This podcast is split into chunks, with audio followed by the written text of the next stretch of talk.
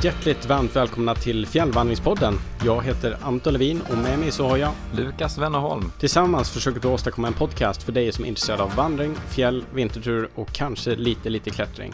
Så varmt, varmt välkommen till den här veckans avsnitt.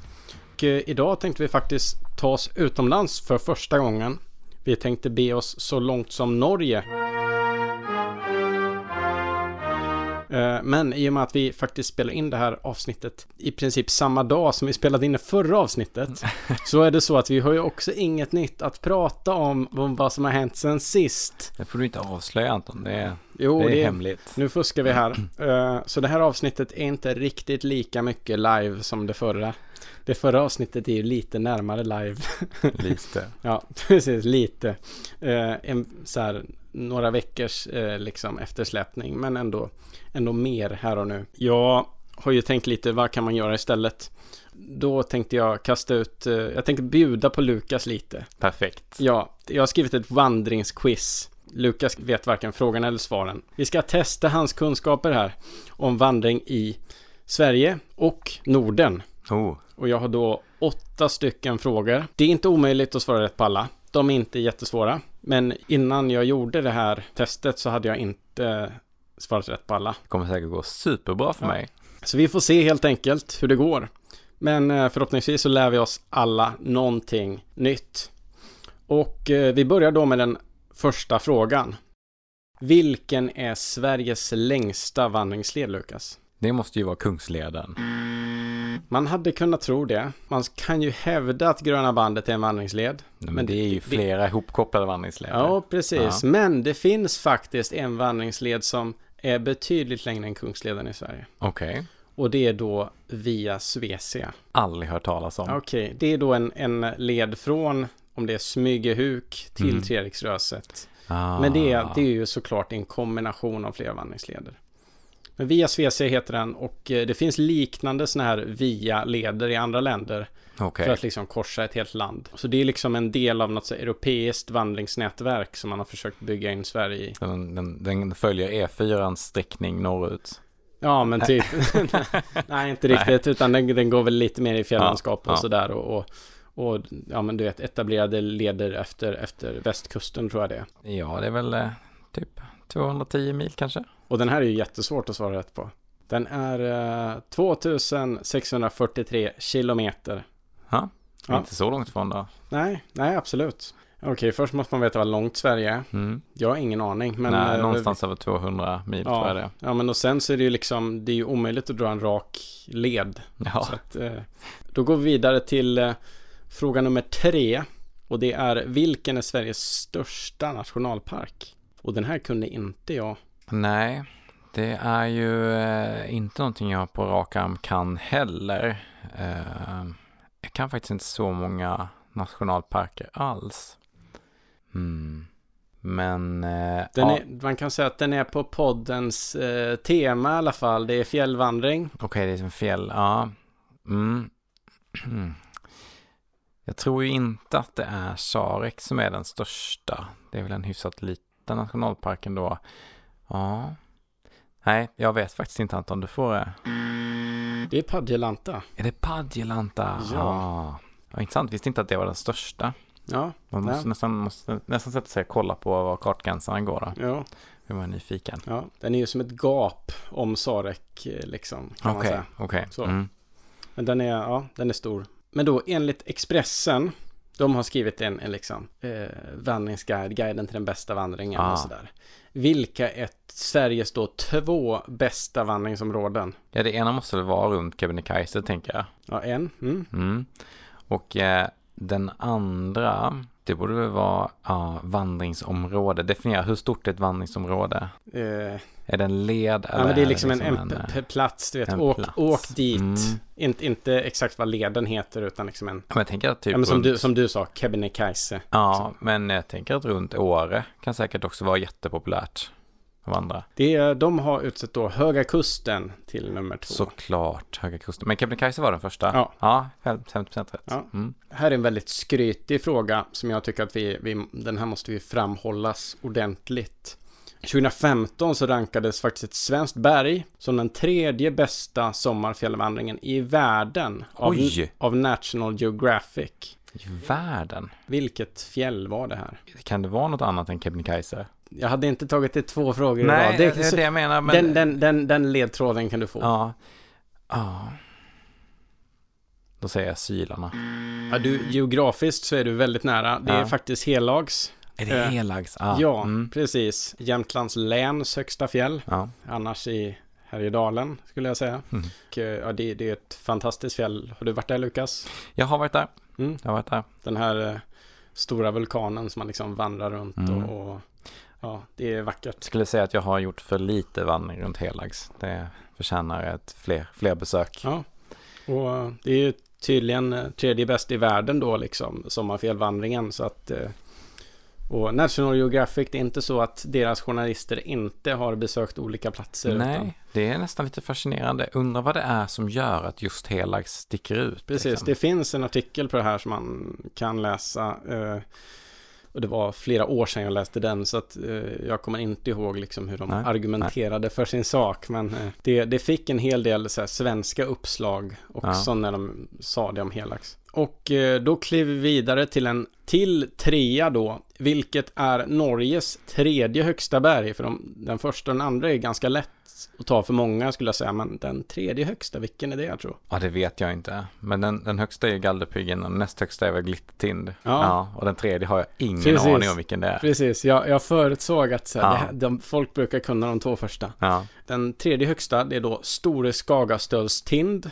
på mm, det två- har jag ändå läst om. 2405 meter och det är då liksom, det är ju Norges K2, eller vad man ska säga. Men Norska kort. ja, Ja, det, då, det är är, då, det, borde jag, då borde jag ju nästan känt till det då. Precis, och Mm. det, det är ju ett sånt berg som, så vitt jag förstår det så kan man liksom inte vandra upp till toppen, man måste klättra och det är Mm. hyfsat brant och ganska avancerat. Så, så det är verkligen en sån här bucket list att åka dit för norrmännen och, och Har du varit där? Eh, nej, Nej. Eh, jag och eh, en norsk kompis eh, har varit på väg dit. Ja. Men eh, det dåligt väder och sådär gjorde att vi inte åkte dit. Utan vi åkte till, en, till ett annat ställe istället och fick lika, Okej. lika dåligt väder.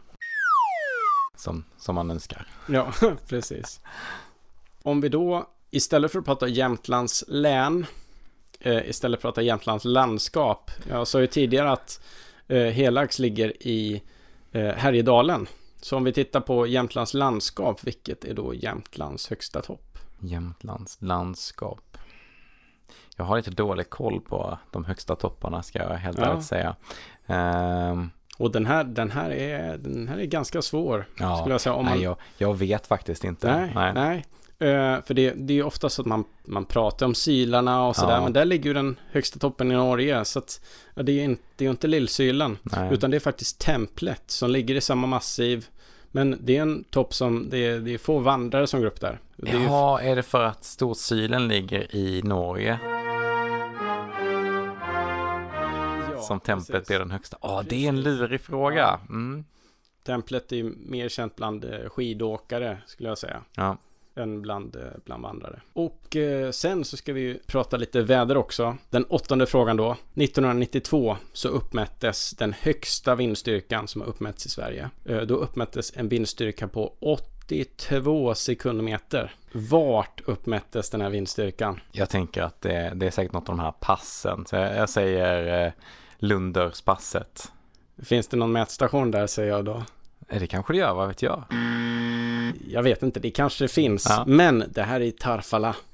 Ja, är det Tarfala? ja, ja. och eh, jag, jag, Jag var inne på Jämtland här, jag har fastnat där. en del byggnader i alla fall vet jag som förstördes eh, under den här stormen. Det är ju helt sanslöst. Det. Man kan väl inte, borde inte kunna stå rakt eller alltså stå still alls Alltså- liksom. Nej, alltså det, man kan väl säga det att runt eh, 35 till 40 sekundmeter så, så flyttar vinden på dig. Eh, så att när det är liksom 82 då, Då flyger man. ja, Mm. eh, du är inte kvar på marken. eh, och eh, ja, det är inte många byggnader. Det är liksom det är betongbyggnader och Ja. sånt som är väldigt fast förankrat. Och Bergen blåser inte bort, men nästan. Nej, ja, precis. Nej, men sten kan ju säkert få fart liksom. Så Mm. att, eh, nej, men, ja, 82 sekundmeter, då, då vill man inte vara i närheten och eh, behöver inte känna sig trygg inomhus heller tyvärr. Nej, inte stå på någon liten topp någonstans. Mm. Och vi pratade ju en del om Tarfala förra avsnittet, men då vill inte jag spoila Nej. det här. Eh, men eh, ja, det, det, är en riktig blåshåla. Ofta så brukar ju vindrekord de flesta åren mätas upp på eh, Åreskutans topp också. Där brukar mm. det bli mm. väldigt blåsigt, mm. för där är de också en mätstation. Eh, men annars så är det Tarfala som har Sverigerekordet då. Som är, eh, jag tror att på Åreskutan har man kommit upp i typ 50 sekundmeter. Fortfarande bra vindstyrkor det. Ja, 92 då när den här vindstyrkan uppmättes då eh, den här mätutrustningen slutade fungera. Yeah. Eh, och det är inte så konstigt. Nej. Men man fick åtminstone fram att det var liksom 82 sekundmeter. Ja. Så det var det. Nu ska vi se vad... Eh, jag har varit dålig på att räkna, räkna dina... Ja, det är nog noll poäng tror jag. Eh, Ja, du, hade, du tog ju Kebnekaise. Mm. Du, det var ju en eh, delfråga det ju. Ja, precis. ja. precis. Uh, ja, ja. Uh, en halv poäng, Lukas. Mm. Bra jobbat. Ja. ja. jag får jobba på mina ja. trivia-kunskaper. Men, men, men erkänn, de, de, var både svåra och lätta samtidigt. Ja, absolut. Ja, det, det är liksom, man kan kunna det här. Men, men, men det, ja, Förhoppningsvis har vi lärt oss någonting ja. idag. Eh, och så kommer ju säkert Lukas komma tillbaka något annat avsnitt och göra narr av mig med, med jättejobbiga frågor. Så här. Vi får se. Vi får väl se. Ja. Vi hittar på ett bra, ja. någonting bra som man inte kan svara på. Precis, det här blir, det här blir fjällprankpodden. ja, exakt. Vad kan du inte det? Precis, ja. Eh, det svåra också, det är att jag var tvungen att fundera på saker som jag inte berättat för dig. Eller som jag inte pratat om i tidigare avsnitt. Mm. Jag eh. tror ändå vi har pratat om eh, vindstyrkor i Tarfala förut. Ja. Det borde jag nästan gissat. Ja, men det den... är ett bra ställe för blåste. Jo, precis. Det var ändå, men sen, det är inte orimligt att tänka sig att det ja, men kunde vara Lundören till exempel. Jag har tänkt att så här, om man tänker så här, men det är en självklart plats, där har de ju såklart en mätstation. Mm, men det, jag tänker ändå att det finns nog mer mätstationer ja, än man jo, tror. Jo. Eh, men frågan är bara var de är utställda. Jo, det är ju precis. svårt att veta. Precis. Nej men så så är det. Eh, det var då vårt eh, första fjällvandringsquiz. Mm. Och Får du någon rolig idé och snickra ihop ett quiz, skicka det till oss så vi kan, vi kan testa våra kunskaper. Ska jag fråga ut Anton? Ja, ja. Mm. eller andra hyss är ni varmt välkomna att dela med er utav. Men som sagt, det här avsnittet så ska vi ta oss till Norge och ni ska få följa med på en vandringstur som jag och min eh, kompis Johan var ute på eh, i april 2018. Det här var ju ganska tidigt i min vandringsresa. 2017 så var jag uppe på Kebnekaise för första gången. Jag eh, hade vandrat en del på Sörmlandsleden och sådär. Och eh, jag hade också vandrat till Helax. Men mm. i övrigt så var jag ganska färsk inom vandringen. Mina ögon hade öppnat upp för att bestiga lite högre berg.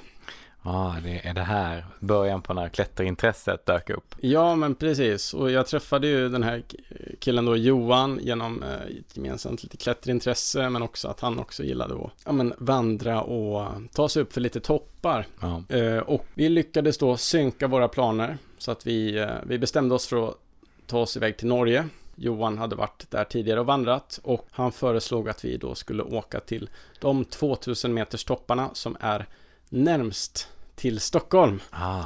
Vilket inte betyder att de är särskilt nära, ungefär 70 mil. Jag kollade lite snabbt här på Google och det ja. verkar vara ungefär 10 timmars körtid. Ja. ja. Det är en liten bit att åka. Jo, absolut. Vi eh, eh, gjorde helt enkelt som så att vi eh, planerade inte jättemycket.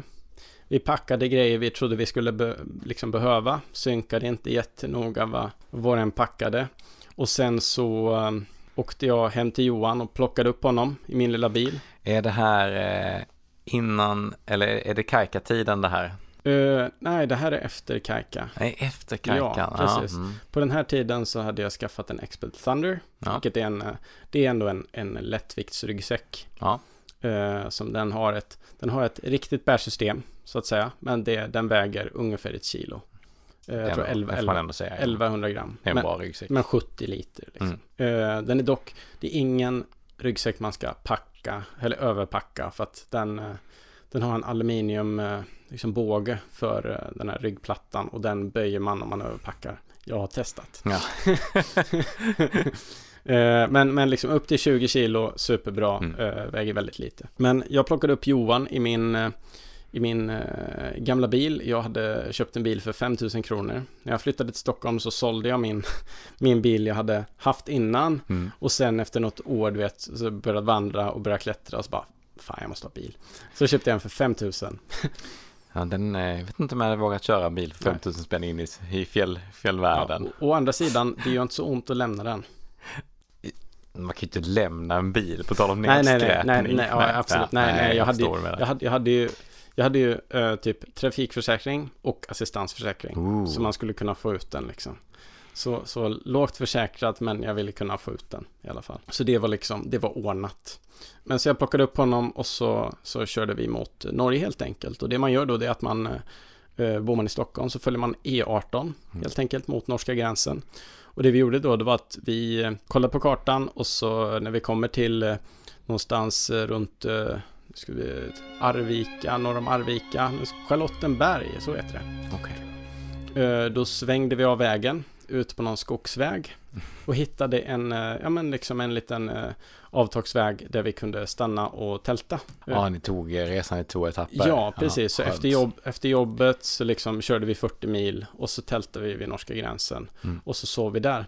Och sen så gick upp nästa morgon och körde de sista 30 milen då till eh, eh, som då ligger i Attnadalen och där man kan utgå för att ta sig in i Rondane nationalpark. En annan populär startpunkt för att ta sig in i Rondarna det är en plats som heter Rondvasbu. Och där finns det då en, eh, en fjällstation som man kan bo hos, eller bo på. Men det är lite längre bilväg från Sverige och vi tyckte också att det här eh, Attnadalen såg ut som en liksom, utmärkt plats att eh, starta på. Och det är också så att det, det är en fantastisk vacker väg in i den här Attnadalen. Bara att köra bil här kan vara värt resan i sig med sitt liksom snirklande längs bergen och väldigt fina iordningställda utsiktsplatser efter vägen. Ja, det är roligt när man kan stanna och se ut på... Ja. Ja. Eh, och Rondane nationalpark, det blev upprättat på 60-talet och det blev då Norges första nationalpark. Och sen så utvidgade man den ytterligare 2003. På grund av att det är en skiffergrund i den här nation- nationalparken så finns det liksom stenhus som, Mm. eh, som DNT då, alltså norska eh, vad heter det, turistföreningen liksom, upprättat som man kan vandra emellan. Och de här stenhusen är då liksom fjälls, fjällstugor. Då är de bemannade likt STFs? Ja, jag tror det finns både och. Både Ja. bemannade och obemannade. Här i Norden är ju extremt ovanligt med stenhus Ja. på det här sättet. Det är liksom någonting man kan se i Alperna. Men just här i och med att det är skiffer så är det ju väldigt lätt att bygga med. Och eh, det, man har liksom hittat lämningar av att man har byggt med, med den här skifferstenen väldigt långt tillbaks i tiden. Ja, men det kan man tänka sig. Häftigt. Ja. Och i Rondane så finns det också vild ren, vilket är en av de sista platserna i Europa eh, där man har det som alltså inte är domesticerad och, och liksom, ja men där man, man driver renen som, genom människan, Mm. utan den är helt liksom eh, vild. Eh, och eh, något som också förvånade mig här, det är att det är också så att jakt är tillåtet i den här nationalparken. Eh, Så de har någon typ av organiserat system där man söker tillstånd och får jaga då ren eller annat småvilt. Vilket är, jag tror i Sverige ganska ovanligt. Ja, det hör man ju inte så mycket om. Nu är Nej. inte jag så jaktinsatt. Nej. Men, eh, Inte jag heller. Men, men eh, min uppfattning är ändå att det inte funkar så i nationalparker i Sverige. nej, få nationalparker man får Ja. jaga i. Eh, Men däremot, det finns ingen myskoxe här, eh, vilket man kanske kan tro i och med att det är lite i det här området. Men eh, då får man, kan man däremot ta sig till Dovrefjäll som ligger ungefär, om man kör ungefär 10 mil till på vägen. Så kommer man till Dovrefjäll och där kan man se myskoxe. Vad det är som är speciellt med Rondane då? Jo, det är ju att det Dels så är det ju en fin nationalpark men också det finns 10 stycken 2000 meters toppar här. De är liksom, Uff. ja, ganska många på ett ganska tätt område. Vilket gör att vissa åker dit för att göra vad man kallar för ett rondane 2000 meters maraton. Det låter som en, eh, en, en, rejäl, en rejäl vandring där. Jo, precis. Och det är liksom en sån här det är en norsk eh, du vet, grej att göra eh, för folk som springer och sådär. Ja. Att, de, att de tar sig dit och så ska de göra alla 2000 meters toppar i, i ett streck. Och det är ganska många som har gjort det här. Och då är det ju ändå värt att tänka på att i Sverige har vi ju totalt 12 Ja, 2000 meters toppar. Så att de har 10 i ett, ett av sina fjällmassiv bara. Ja. ja, precis. De är ju, deras fjällkedja ligger ju generellt sett lite högre än vår. Mm. Eh, Men ja, de, här, de ligger ju ganska tätt klungade. Så det, det är ju liksom för de flesta så är det inga problem att göra i alla fall två stycken Nej. 2000 meters toppar på en dag. Vet du hur i allmänhet svårt det är? är det all, går alla att eh, vandra upp på eller kräver någon mer? Jag, jag tror att de flesta går att vandra upp på. Ja, Eh, jag, jag kan inte alla de här 2000 topparna. Eh, men jag tror att de, de flesta går att vandra upp på och framförallt de två som jag kommer att prata om idag. Ja. Kommer att eh, gå att vandra upp på.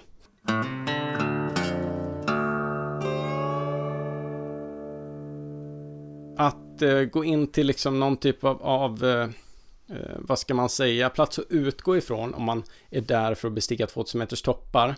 Det kan ta ungefär en dag. Det är Mm. inte jättelångt, eh, jättelång anmarsch eh, som det kallas.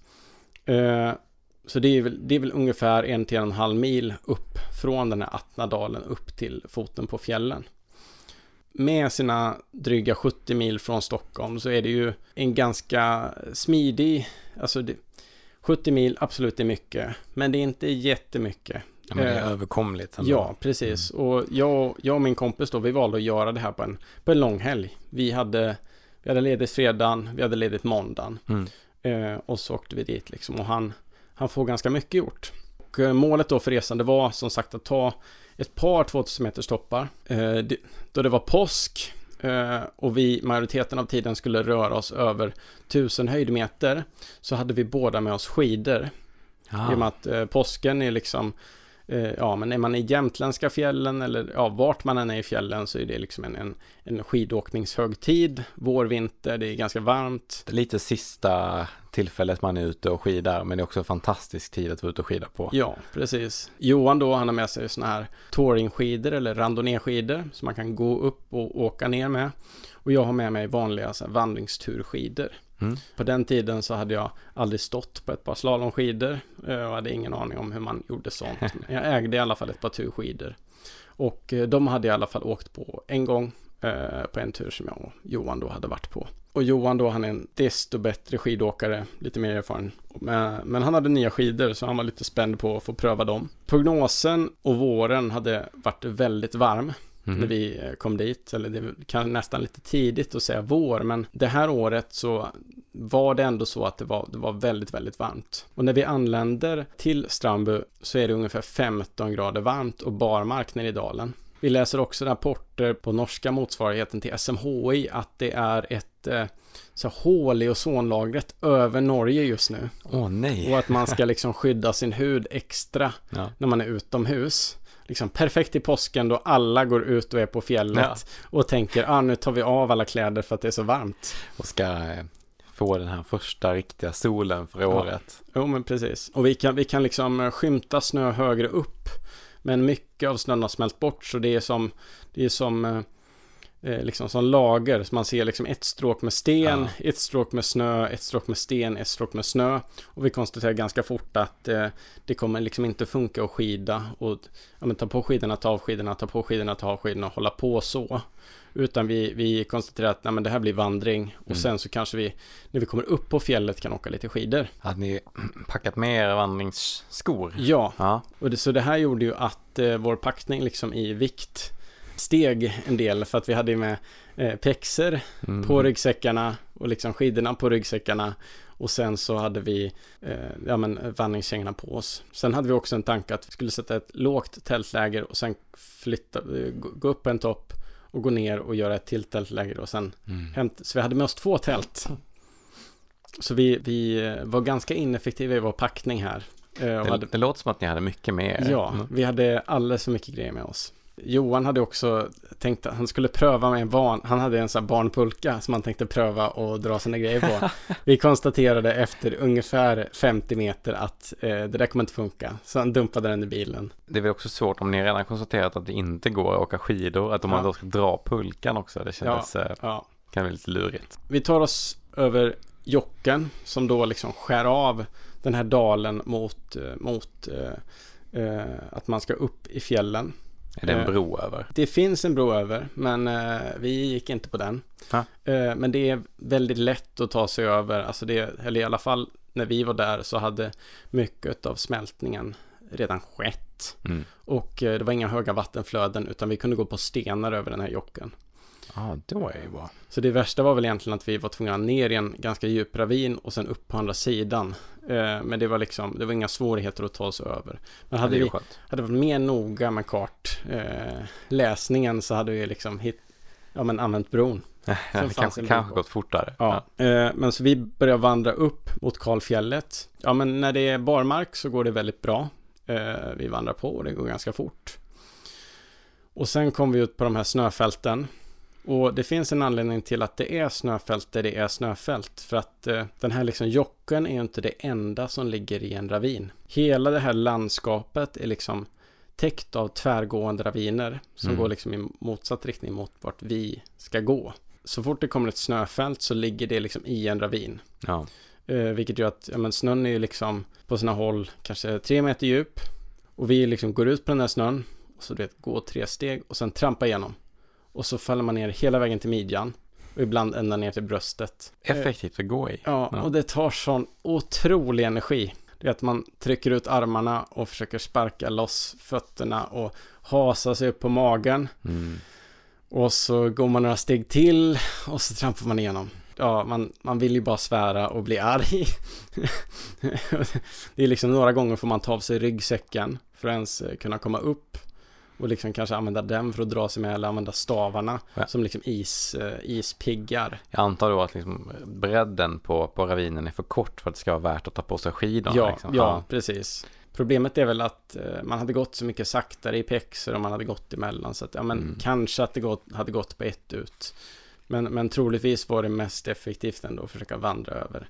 Ibland så är snön så dålig så att man får liksom krypa och hasa sig. men sakta men säkert så tar vi oss igenom de här fruktansvärda liksom snö, eh, snöhålen och tar oss högre upp på fjället och de här ravinerna börjar liksom det, är det är ju ett tillfälligt problem så det kanske är Ja. fem, sex sådana här områden och sen så börjar det liksom på att bli, bli lite mer eh, jämnt och eh, egentligen ett, ett stort stråk där det inte har någon snö överhuvudtaget. Så den här approachen tar ganska lång tid. Men eh, vi sätter vårt tält på lite över 1000 höjdmeter eh, runt eh, klockan åtta på kvällen. Vi är ganska trötta, kört 40 mil och sen vandrat upp den här liksom ganska hårda vägen. Jag kan tänka mig att man blir lite blöt också när det är så, man ska ner i snön och den är så fuktig liksom. Jag minns ändå att vi klarade oss ganska bra från det.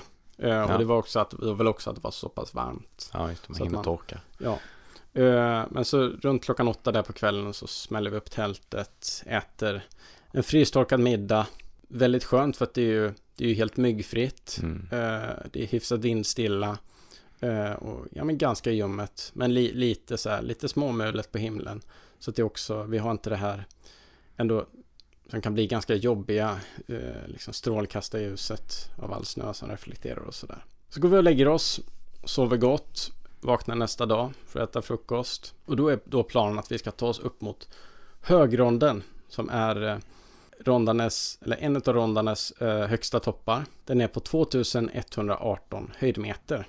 Så det betyder att vi har ungefär från, från vårt tält så har vi ungefär 1200 höjdmeter att ta oss upp för.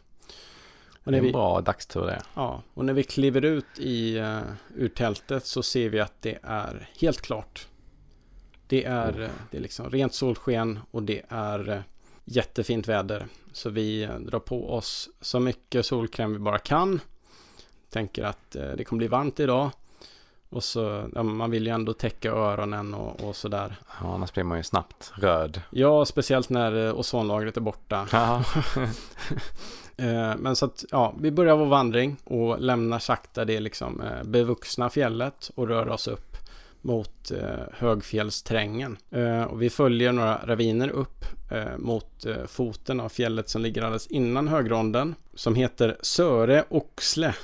Vilket är ett eh, eh, jättekonstigt namn, men eh, så heter det i alla fall. Mm. På 1790 höjdmeter. Ja, terrängen här, den är väl inte något särskilt egentligen utan det, det finns en, en hyfsat tydlig stig som man kan ta sig upp på eh, mot högronden och vi följer den. När man väl kommer upp på liksom, på, när det plattar till lite på ryggarna så är det hyfsat platt tack vare den här, den här skiffen då som liksom har, har lagt sig Ja. ganska platt eh, för det mesta. Precis, När man börjar komma mot högronden så blir eh, den här leden Men också, den är, den är väldigt väluppgådd. Så den är, den är väldigt lättvantrad och liksom går som en serpentinväg upp mot fjället. När man börjar närma sig högronden och kanske har sådär 200 meter kvar till toppen. Liksom, då går man väldigt nära kanten på ett Aha. stup. Och då kan man liksom se runt och se en sån här lodrätt vägg på, som går upp till högrondens topp. Och det är som, som skifferplattor som skjuter ut ur den här väggen. Och de är ju Mm.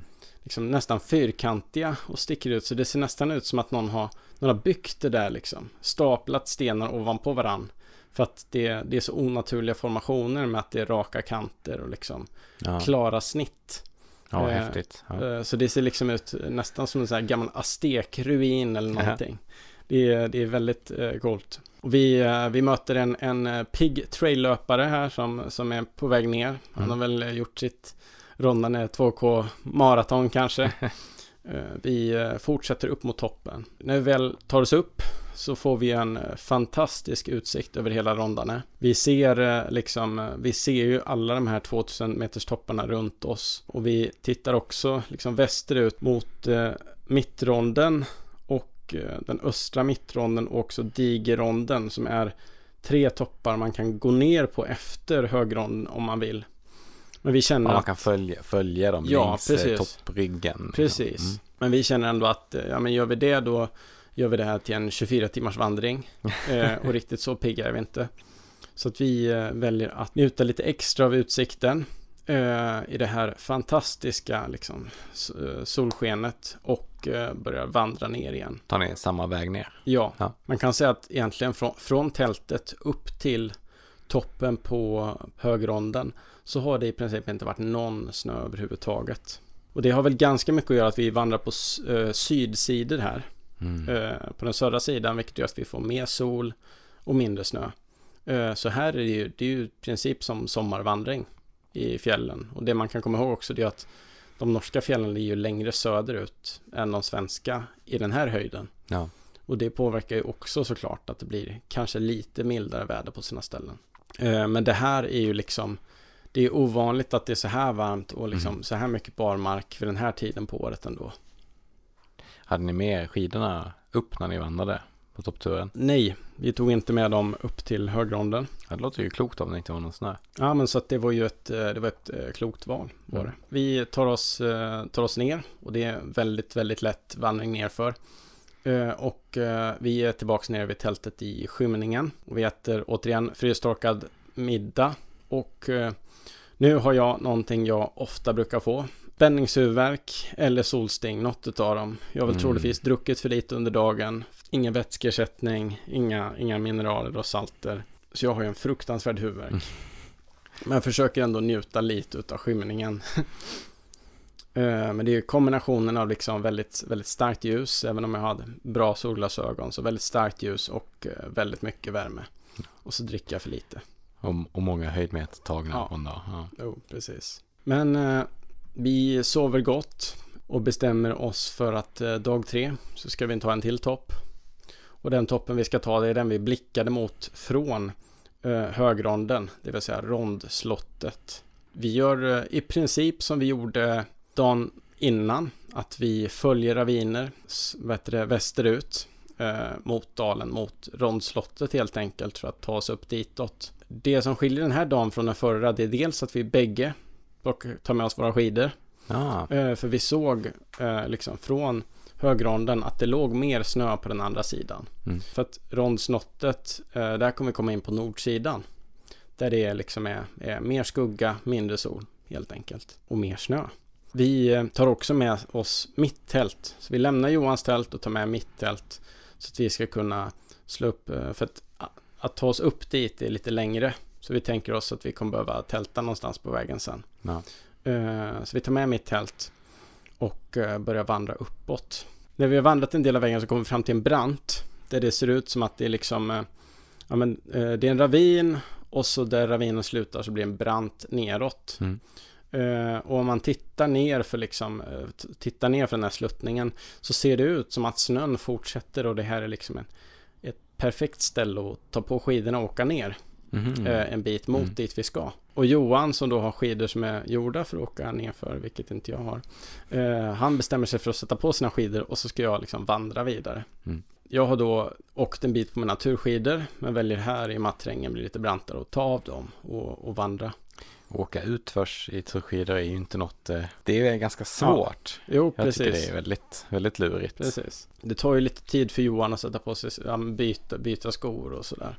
Eh, och jag börjar vandra och så blickar jag bakåt och så ser jag att eh, det där snöfältet vi har tittat ner över, det var jättefint. 15 meter. Sen är det bara grus och sten. Så jag stannar och skriker till Johan så högt jag kan. Åk inte, åk inte. För det hade ju liksom slutat i katastrof. Han hade Ja. antingen slagit sig som bara den eller så hade han förstört sina skidor totalt. Eh, om han liksom lyckats eh, styra i det där. Han lyckas höra vad jag säger och så får jag gå tillbaka och liksom berätta hur det såg ut. Eh, och han då låter bli. Och så bestämmer vi oss för att vandra vidare uppåt. Vi eh, tar oss upp mot ett, eh, ett eh, snöfält som ligger vid foten av rondslottet. Och där tar vi av oss våra ryggsäckar och tar fram våra spadar och Mm. börjar gräva ut en, en liten hylla för vårt tält. För det är, det är, liksom, det är svårt att hitta någon, någon hel platt terräng här. Utan Ja. det enklaste var liksom att gräva ut en hylla för tältet i snön. Så vi packar och, och arrangerar om och får till slut en hyfsad hylla där vi kan sätta upp tältet. Och eh, jag väljer att lämna mina, mina turskidor där också. För Mm. det, nu blir liksom terrängen för brant för att använda dem något mer. Så att de får agera tältstavar här på plats. Medan Johan eh, eh, fortsätter på sina skidor, fast nu med stighudar. För att nu så har vi ganska mycket snö framför oss. Inte jättedjup, men eh, ändå i princip hela vägen till, eh, till toppen på rondslottet. Okej. Men nu är vi ju uppe lite högre än vad vi var dagen där- innan. Så att den bär lite bättre den här gången. Så, är, du- så du kan gå på den utan att åka igenom? Ja, vad skönt. det är väl enstaka gånger jag går igenom. Men jag Ja. sjunker inte mer än 2-3 decimeter. Ja, då är det ändå överkomligt. Ja, precis. Och på, på vissa ställen så är det ju som stenfält där man liksom kan gå på stenarna Mm. och eh, spara väldigt mycket energi. Så att vi, vi tar oss över det här stenfältet. Sakta eh, så börjar liksom bronsslottet resa sig framför oss. Och eh, det, det liksom blir brantare och brantare. Och eh, när, vi, när vi går på de här snöfälten eh, så känner vi hur ja, men solen står i, i inte riktigt senigt. Det har väl, eh, klockan är väl två, tre på eftermiddagen kanske. Men det börjar bli riktigt, riktigt varmt. Och vi går i en, i en stor snökittel och liksom allting reflekterar mot Ja. oss. Alltså det, det känns som att vi börjar koka nästan. Eh, det blir outhärdligt. Det är också det här med alla, all strålning som liksom inte är bra. Så man vill ju inte klä av sig allting. Vi tar liksom snö, stoppar in i våra mössor, sätter på sig mössan, fyller, fyller våra liksom eh, fleecetröjor som är det liksom enda vi har på oss. Vi fyller Nej. dem med snö för att kyla ner oss. Alltså så varmt eh, blir det liksom Ja, här. då är det riktigt varmt om man känner att man vill ha snö i mössan. Och av och till får vi liksom stanna och så kommer något litet moln. Solen går i moln lite så då skyndar vi oss Nej. för att ta oss en bit. Och sen stanna till när det liksom solen kommer fram igen. De högsta liksom temperaturerna jag upplevt i fjällen någon gång. Det, ja, det var verkligen otroligt varmt. Den, den här tem- höga temperaturen sänker oss också rejält. Men eh, allt som vi kommer uppåt så blir det också sakta kallare. Eh, det blir också så att vi hamnar i lite mer så här, nordlig aspekt. Så att Mm. min, mindre utav solens strålar reflekterar mot oss. Sakta men säkert börjar det kännas som att vi faktiskt är i fjällen och liksom Ja. inte på Rivieran. Det är bara snön som skiljer från Rivieran. Ja, precis. Eh, nej men och det, ja, det blir sakta brantare och brantare. Och eh, vi tar oss upp för en, en eh, lång liksom, snötunga. Och vid toppen av den så lämnar eh, Johan sina skidor. Tar av stighudarna och så lämnar han dem där tillsammans med sina... Lyckas du hålla jämna steg med Johan på, på skidorna? Ja, ja. men absolut. För det, det är så bra snö så att det liksom, jag sparkar in tån i princip i Ja. snön och bara går upp för på det sättet. Vad tror du, var det, var det jobbigast med skidor eller jobbigast att gå? På grund av att eh, terrängen var längre ner, var så ojämn. Mm. så var det ju onödigt att vi hade den extra packningen. Ja. Eh, men däremot, alltså just på det fjället så var det inte en nackdel att ha skidorna. Nej, nej. Och jag kommer komma in på mer liksom, sen varför det inte är en nackdel också. Mm. Ja, han lämnar skidorna i alla fall i, i toppen på den liksom tungan för att sen blir det liksom brantare till sig. Det är väl ungefär 35 graders lutning här där han lämnar sina skidor. Eh, Men det börjar liksom komma lite stenfält och sådär så att det blir liksom allt svårare att åka skidor högre upp. Så att då är det enklare att gå i pjäxorna. Och ganska snart efter att han har tagit av sig skidorna så får vi sätta på stegen bägge två. Eh, För att det Mm. blir också isigt. Mm. Det blir väl som brantast ungefär 40 graders lutning. Så liksom 40 grader lutning och, eh, och is. Det var ändå ganska, ganska mjukt, någon blandning på snö och Ja. is här. Så att man kan sparka in stegjärnen. Men ändå så att det känns lite spännande. det, det känns som att man ja, men, så här, bestiger ett berg. Ja, För det, det är annars när man säger bestiga ett berg och så går man på en stig. Det känns ju lite högtravande Mm. nästan att säga att man har bestigit någonting. men här är näst, nästan lite så här snö scrambling. Liksom. Jo, precis. Nej, men här känns det ändå som att man bestiger någonting. Mm. Eh, det kändes, eh, det kändes verkligen coolt där och då. Eh, som att ja, men det var lite spännande, det var något nytt för mig. Ja. Att eh, det var liksom så pass brant och, och, och man fick använda stegarna på riktigt. För tidigare hade jag liksom jag vandrat i snö på Kebnekaise lite och sådär. Men här Mm. var det ju ändå lite brantare terräng än vad jag hade varit i tidigare. Vid sidan av oss så ser vi också Storrondens stora svarta vägg som sluttar liksom rätt ner. Och det ser ganska dramatiskt ut. Vi vandrar upp här och det eh, känns ju så fantastiskt när vi, när vi äntligen eh, tar oss eh, till toppen. Även här, precis som på den förra toppen, så har vi en eh, fantastisk utsikt. Det här är ju inte superstora liksom bergsområden så man ser ju väldigt, väldigt långt. Ja. Eh, Det är inte så att, eh, ja, man, och man ser ju framförallt både väldigt mycket fjäll men också väldigt mycket lågland. Så det är väldigt vackra bilder som är väldigt svåra att förmedla genom, eh, genom eh, radio, liksom, eller genom podd. Eh, Så jag rekommenderar er att googla på det här. Det kan också vara så att vi råkar slänga upp någon bild härifrån på, på vår eh, Instagram för att eh, dela med oss lite av de här fantastiska utsikterna från Rondslottet och Högronden. Eh, Ja, vi super in den här fantastiska utsikten. Det har också blivit, ja men här uppe på toppen så är det ju ändå lite så här, ja men det är ganska vintrigt. Mm. Det är liksom, det är ett par minus i alla fall.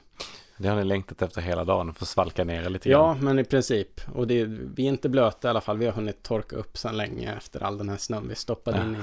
Det är ju verkligen, det är ju som att, resa från ett land till ett annat när det är Mm. liksom där nere så liksom 30 grader eller, eller någonting och sen, sen ett, liksom ett par minus uppe på toppen och lite vind. Stora kontraster. Ja, och jag tycker alltså att det när fjälllandskapet är delvis eller helt täckt av snö, det är nästan då jag tycker det är vackrast Ja. Faktiskt. Eh, speciellt när det är strålande sol och det nästan blänker av fjälltopparna. Vi hade ju ett så fantastiskt väder den här dagen och kunde verkligen njuta av det, utom när det då möjligtvis Mhm, blev lite ja. för bra. det som händer sen är att vi ska ta oss ner och eh, ja, vi, vi vandrar försiktigt ner för den här liksom branta sektionen. Det är lite isigt tar oss till slut ner till eh, Johans skidor. Jag ska ju fortsätta vandra ner så att jag väntar inte på honom utan jag fortsätter vandra och han tar på sina skidor. För honom tar det ju typ fem minuter ner till eh, tältet. Medan jag får vandra och liksom, ja, skymningen kommer och så får man vandra i skymning där. Vi hade inte med oss pannlampor, men det, det, Ja. det jag hade med mig mobil i värsta fall. Men, eh, ja, men så i skymningen så tar jag mig ner till tältet. Så det, jag hade fortfarande lite marginal, det var inte så att det var kolsvart. Eh, Och då hade han hunnit, hunnit chilla länge. Jo, precis. Men han har hunnit koka upp vatten och sådär. Så Ja. att, ja, men då, då är liksom middag direkt. Och det, det blir ganska perfekt. Ja. Och så sover vi i mitt tält där i dalen. Nästa morgon när vi vaknar, då är vi inne på liksom dag fyra, den sista dagen. Vi behöver hem till, eh, hem till Stockholm igen. Vi ska ju jobba nästa dag. Mhm. Liksom.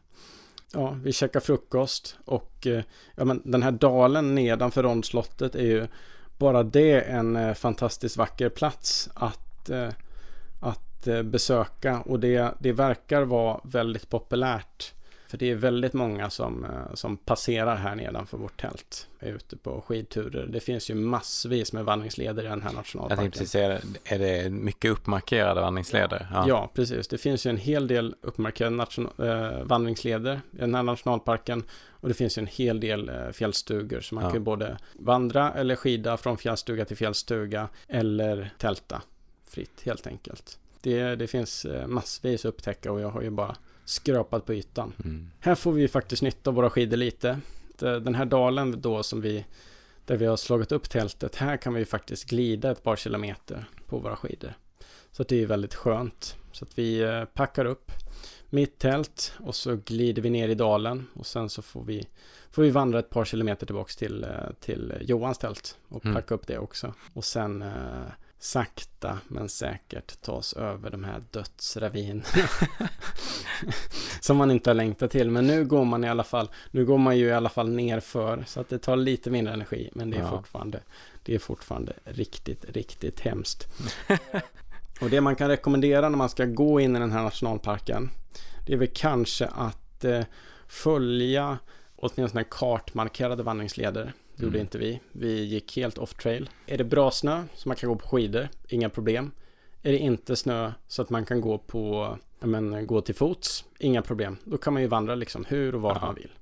Inga problem. Men när det är så här mitt emellan, då vill man ju gärna färdas där andra har gått. Ja. Finns det ett skidat spår, ja men åk där. Finns det en upptrampad liksom, stig genom snön, gå mm. där. Så är risken mindre att det tar all den här extra energin.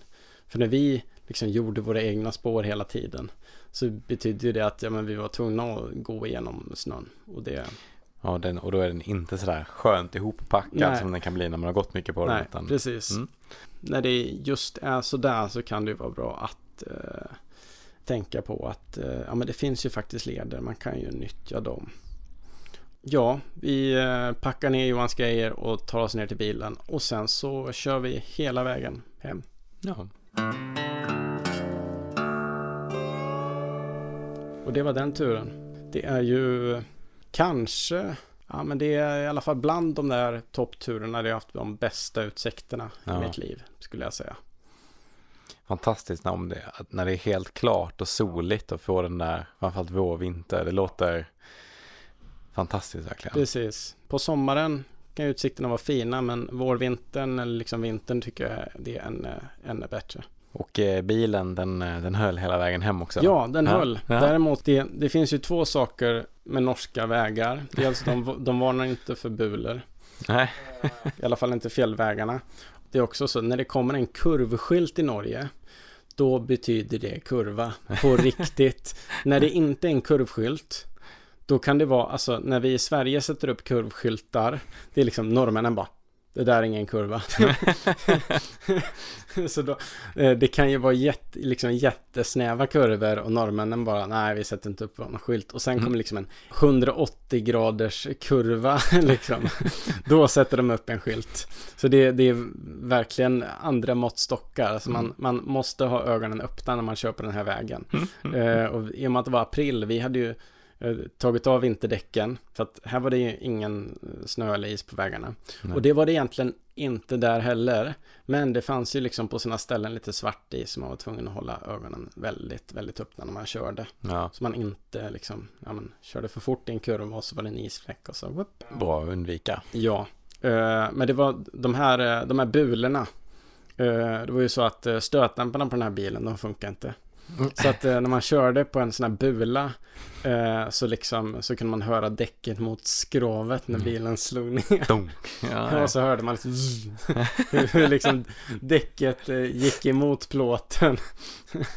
så det, det, ja, det var mycket speciellt. Det var åtminstone skönt att veta att det var det var ingen dyr bil. Jag misstänker att du inte har kvar den längre. Nej, nej, nej jag har en annan. Ja, en kortvarig. Ja, men eh, det, var, det var liksom, det var mest att känna sig, vill jag ha bil? Mm. Och sen så konstaterade det vill jag, så jag köpte en. Det är ju onekligen ett bra sätt att ta sig runt på när man vill eh, besöka mycket fjällmiljöer och sådär.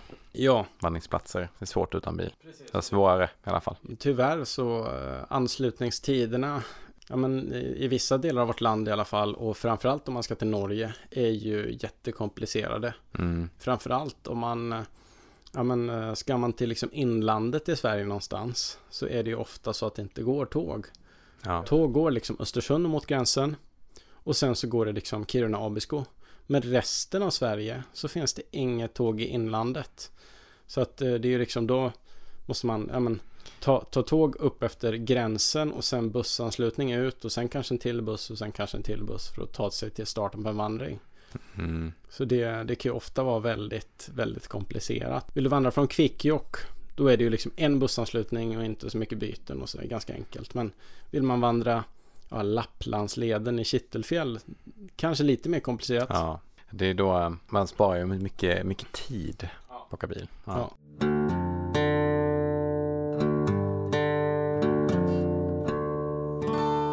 Veckans anekdot, den eh, utspelar sig också i Rondane. Det är Mm. nämligen så här att eh, Norge var ju ockuperat av eh, tyskarna under andra världskriget. Och eh, Luftwaffe skulle då transportera soldater från eh, Trondheim till Oslo 1944.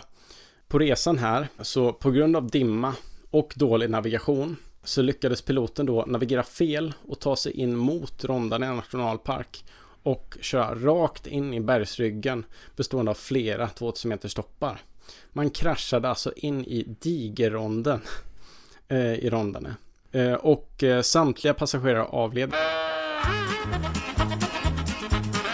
13 tyska soldater och en högre stabsofficerare som dog när man störtade in i, i den här ronden i november 1944.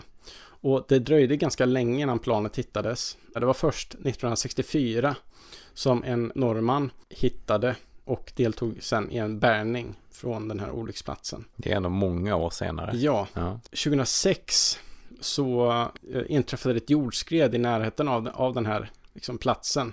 Och då upptäckte man två nya kroppar från den här olyckan. Det tog dessutom efter det här jordskredet och att man hade hittat de här eh, Mm. kvarlevorna, kropparna är väl att ta i, men kvarlevorna. Ja. Så tog det två år innan myndigheterna tog hand om de här kvarlevorna. Vilket ledde till att folk liksom, ja men dels så var det väl de som vandrade dit för att se spektaklet. Mm. Men också en hel del klagomål liksom på, ja men varför polisen, militären eller vem som nu ska ta hand om det här, fixa det här, ta bort det här från fjället. Jag läste en artikel där de två år efter att det här liksom blev allmänt känt så sa polisen att "Nej, det här är ingenting vi förstår om. Vi, ska, vi måste ha ett möte om det här och fixa det här. Två år efter. Ja, i eh, 60 år ungefär så, så lå- låg liksom de här kropparna kvar på fjället här efter den här olyckan. Säger ju något om hur remote Ja. det är. Eh, man får väl hoppas i alla fall att eh, det här var en, en liksom, karmahändelse för den här Mm. fruktansvärda ockupationen av Norge. Eh, och tänka att ja, men det var väl eh, bättre att de kraschade än någon annan i alla fall. Ja. Och med det så börjar veckans avsnitt rulla mot sitt slut. Glöm inte att prenumerera på oss i ditt flöde. Vi som gör den här podden heter Anton Levin och Lukas Wennerholm. om du uppskattar det vi gör, sprid gärna ordet så att vi kan fortsätta prata om vandring från våra vardagsrum. Vill du komma i kontakt med oss så hittar du oss på Instagram. Fjällvandringspodden heter vi där, men också Anton Levin och Lukas Wennerholm. och, eh, glöm inte redan nu planera in din nästa tältnatt. Tack för den här gången. Vi ses om två veckor.